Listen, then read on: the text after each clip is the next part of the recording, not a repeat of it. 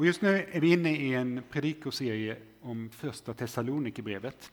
Vår präst Johannes har gjort en jättebra introduktion, så jag ska inte säga så mycket om eh, bakgrunden till det brevet. Men eh, det är skrivet av eh, Paulus och det är ett av hans första brev.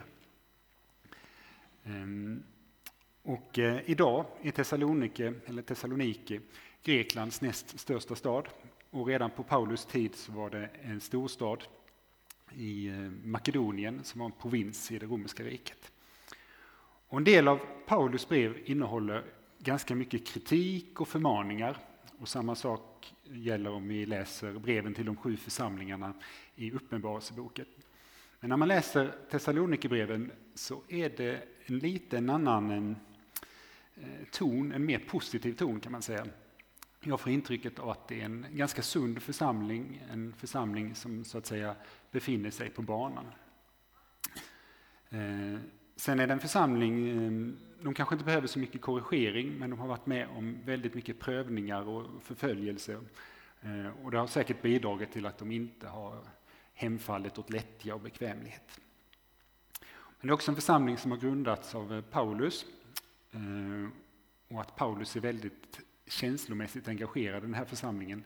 Han tvingades fly därifrån strax efter att han grundade församlingen. Så han är liksom orolig. Vad har hänt med de kristna i Thessaloniki? Har de kvar tron? Ehm, ja, han är väldigt orolig helt enkelt. Ehm, vi ska snart läsa, men vi kan börja med att be kort.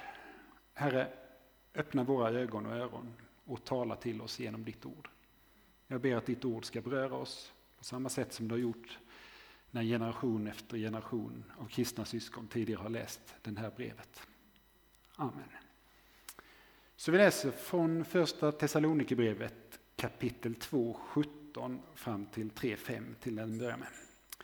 Bröder, nu när vi för en tid har varit skilda från er, bara till yttre, inte till hjärtat, har vi längtat mycket efter er och blivit ännu ivrigare att få se era ansikten. Vi har verkligen önskat att få komma till er, jag Paulus både en och två gånger. Men Satan har hindrat oss. Vem är vårt hopp, vår glädje, vår ärekrans inför Herren Jesus när han kommer, om inte ni? Ja, ni är vår ära och vår glädje. När vi därför inte stod ut längre bestämde vi oss att stanna, ehm, för att, bestämde vi oss för att stanna ensamma kvar i Aten och sände Timoteus, vår broder och Guds medarbetare i Kristi evangelium. Han skulle styrka och uppmuntra er i tron så att ingen vacklar under dessa lidanden. Ni vet ju själva att det är bestämt att ni ska få utstå sådant. Redan när vi var hos er sa vi i förväg att vi skulle få lida, och så har det också gått som ni vet. Det är därför som jag, när jag inte längre står ut, sände bud för att få veta hur det var med er tro. Kanske hade frestaren frestat er och vårt arbete varit förgäves. Den här texten visar hur beroende vi är av varandra. Paulus han kände sig stympad när han hade kontakt med sina kristna syskon i Thessaloniki. Det var inte bara liksom en intellektuell eller tankemässig känsla eller längtan.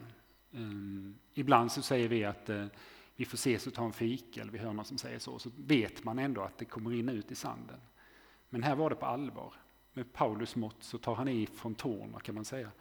Eh, han verkligen önskar att få träffas. Det är lite som när mor och farföräldrar har fått ett nytt barnbarn och de bara måste ses och är beredda att köra ganska många mil med bilen. Eh, men Paulus han fick nöja sig med att skicka sin eh, medarbetare och Timoteus som var en trogen och nära vän och medarbetare till Paulus. Det här beroendet mellan å ena sidan då Paulus och å andra sidan församlingen det är inte enkelriktat. Eh, Paulus och Timoteus de behövde få kontakt med de kristna syskonen i Thessalonike. De behövde få veta hur det gick. De undrade så mycket och liksom hade så mycket frågor. Eh, men de såg också att vännerna där borta de behövde stöd i sin tro. De behövde uppmuntran för att inte tappa modet och tappa tron. Och för oss som lever ett väldigt tryggt och bekvämt liv är det här en jätteviktig påminnelse. Det moderna samhället eh, uppmanar oss att vi ska vara självständiga och det liksom lurar oss och förleder oss bort Vi tror att själv är bäste dräng och att eh, man alltid ska klara sig själv och vi får till och med för oss att man inte ska vara sårbar.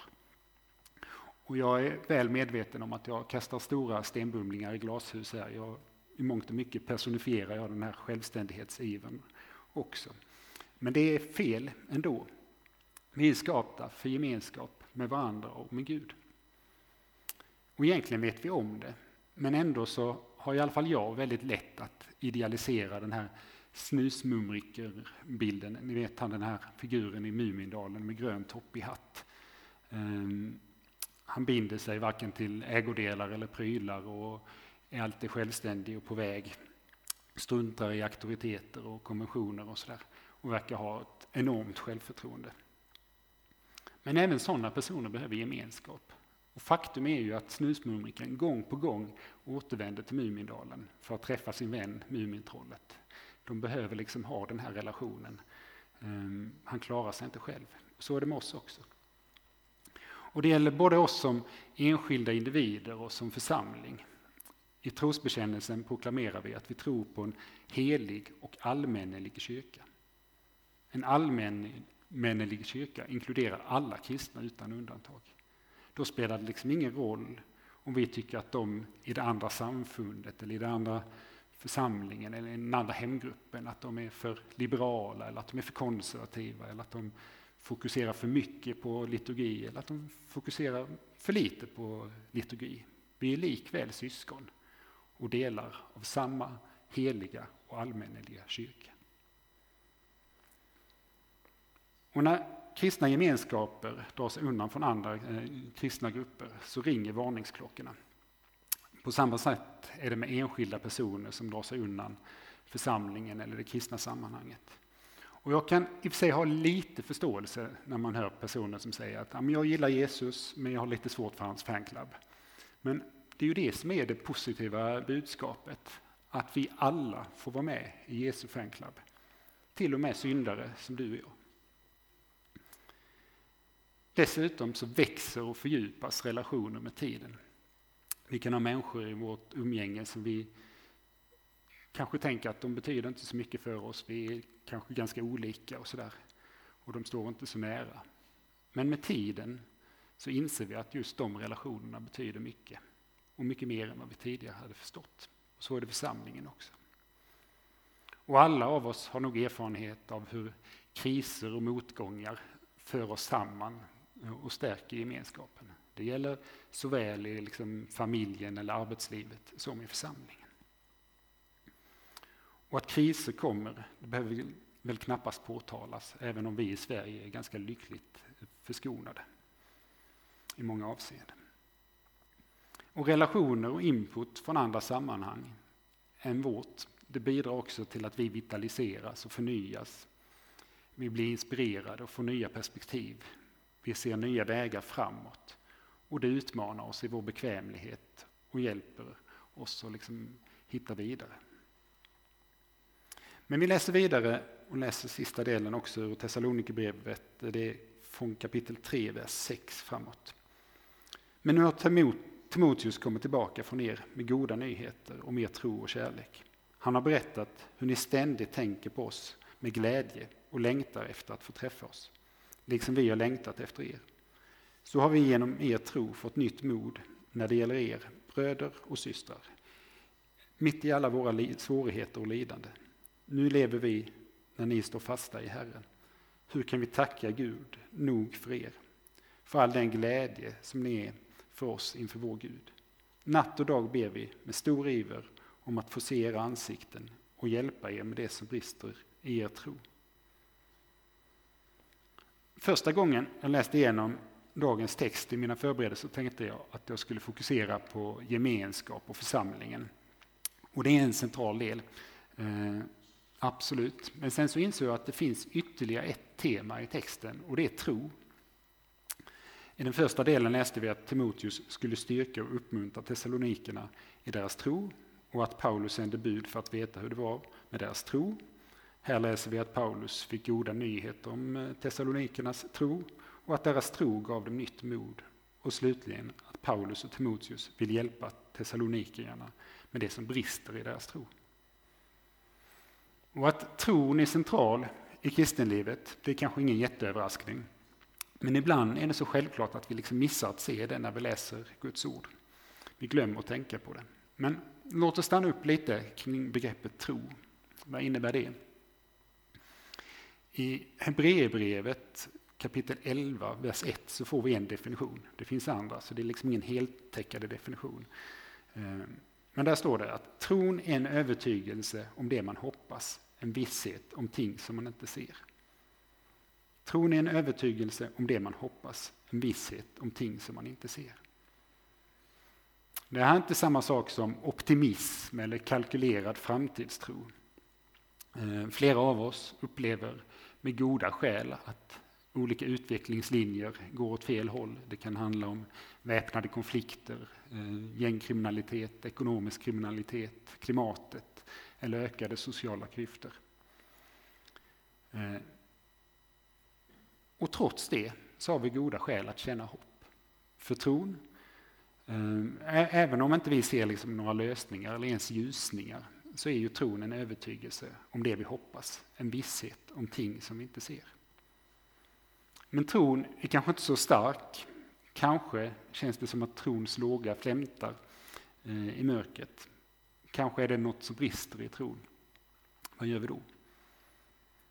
En variant är att fördjupa sig i historien och då speciellt den bibliska historien.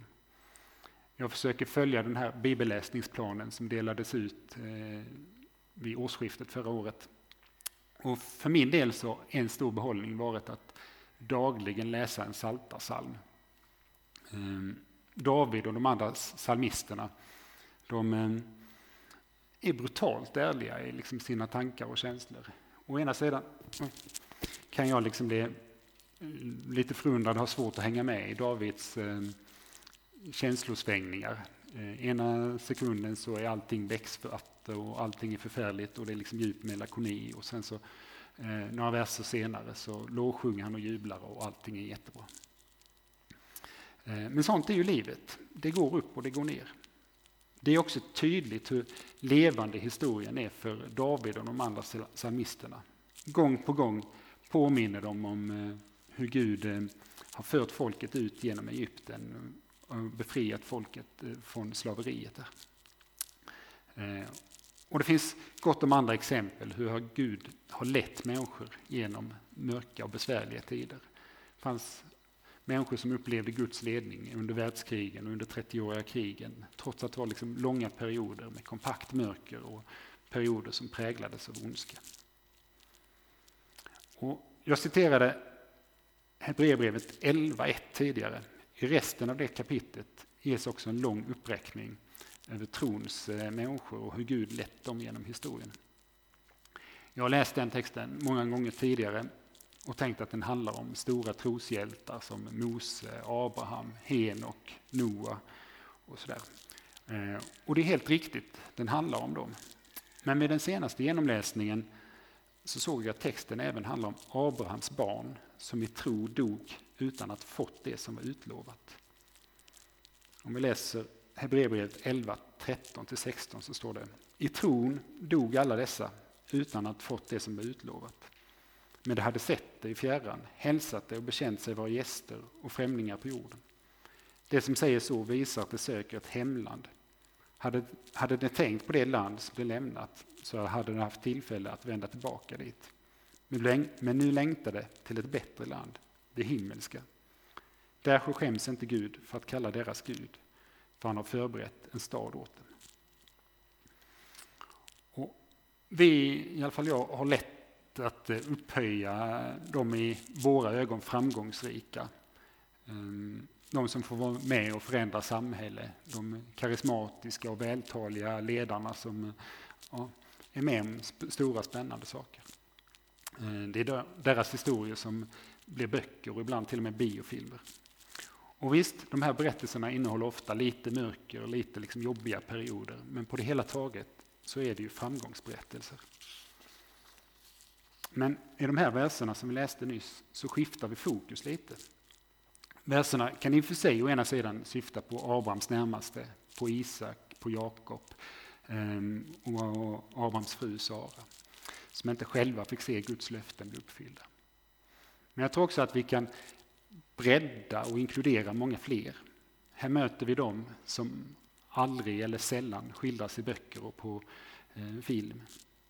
Det strävsamma folket som kämpar på i det eh, tysta för att nå det utlovade landet. De som dör innan det lyckliga slutet. Men, och det här är jätteviktigt, det är en tillfällig död. För det finns en himmels, ett himmelskt land, en återupprättad skapelse, där den som tror får nytt liv. Och kanske är det så att de riktigt stora troshjältarna är de som håller fast vid sin tro även när de inte ser så mycket resultat. Den lilla landsbygdsförsamlingen som troget eh, samlas och firar gudstjänst vecka efter vecka. Eh, pastorn eller prästen som förbereder predikan trots att det nästan är tomt i bänkraden. Och vi behöver nog fundera igenom ett varv till på vilka är det som är hjältar? Och nästa fråga är om det behövs fler hjältar.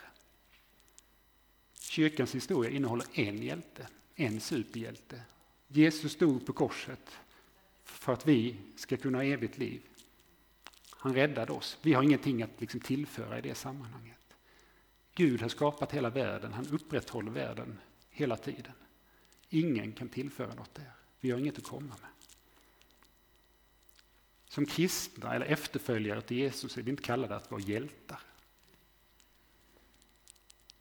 Vi borde snarare sträva efter att bli helgon. Med andra ord, människor som lever i nära gemenskap med Gud och som präglas av Andens frukter, kärlek, glädje, frid, tålamod, vänlighet, godhet, trofasthet, ödmjukhet och självbehärskning. Och här får vi nog grannsaka oss själva. Strävar jag efter att bli en hjälte eller att bli ett helgon? Hjälterollen är frestande. Man får mycket bekräftelse och den gör sig mycket bättre på sociala medier.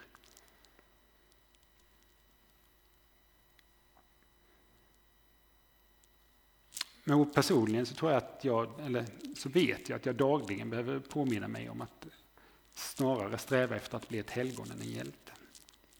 Kanske är det också så att vi behöver bli bättre på att värdesätta de helgonlika människorna och de, deras karaktärsdrag. Om vi uttrycker tacksamhet och uppmuntran när ledare prioriterar sin familj så är vi med och formar en kultur där vardagen blir viktigare än det som sägs på scenen eller på estraden. Kanske kan vi på så sätt också minska pressen på våra ledare. Det är aldrig kul att behöva läsa i tidningar om ledare som eh, inte lever upp till den standard som man kan förvänta sig. Ledare som missbrukar pengar, sex eller makt. Men kanske ett av skälen att vissa hamnar snett, att vi eller de själva har en felaktig bild på vad en god ledare är. En hjältebild snarare än en helgonbild. Hur ska vi leva våra liv då? I texten från eh, Thessalonikerbrevet ger Paulus oss en viktig pusselbit.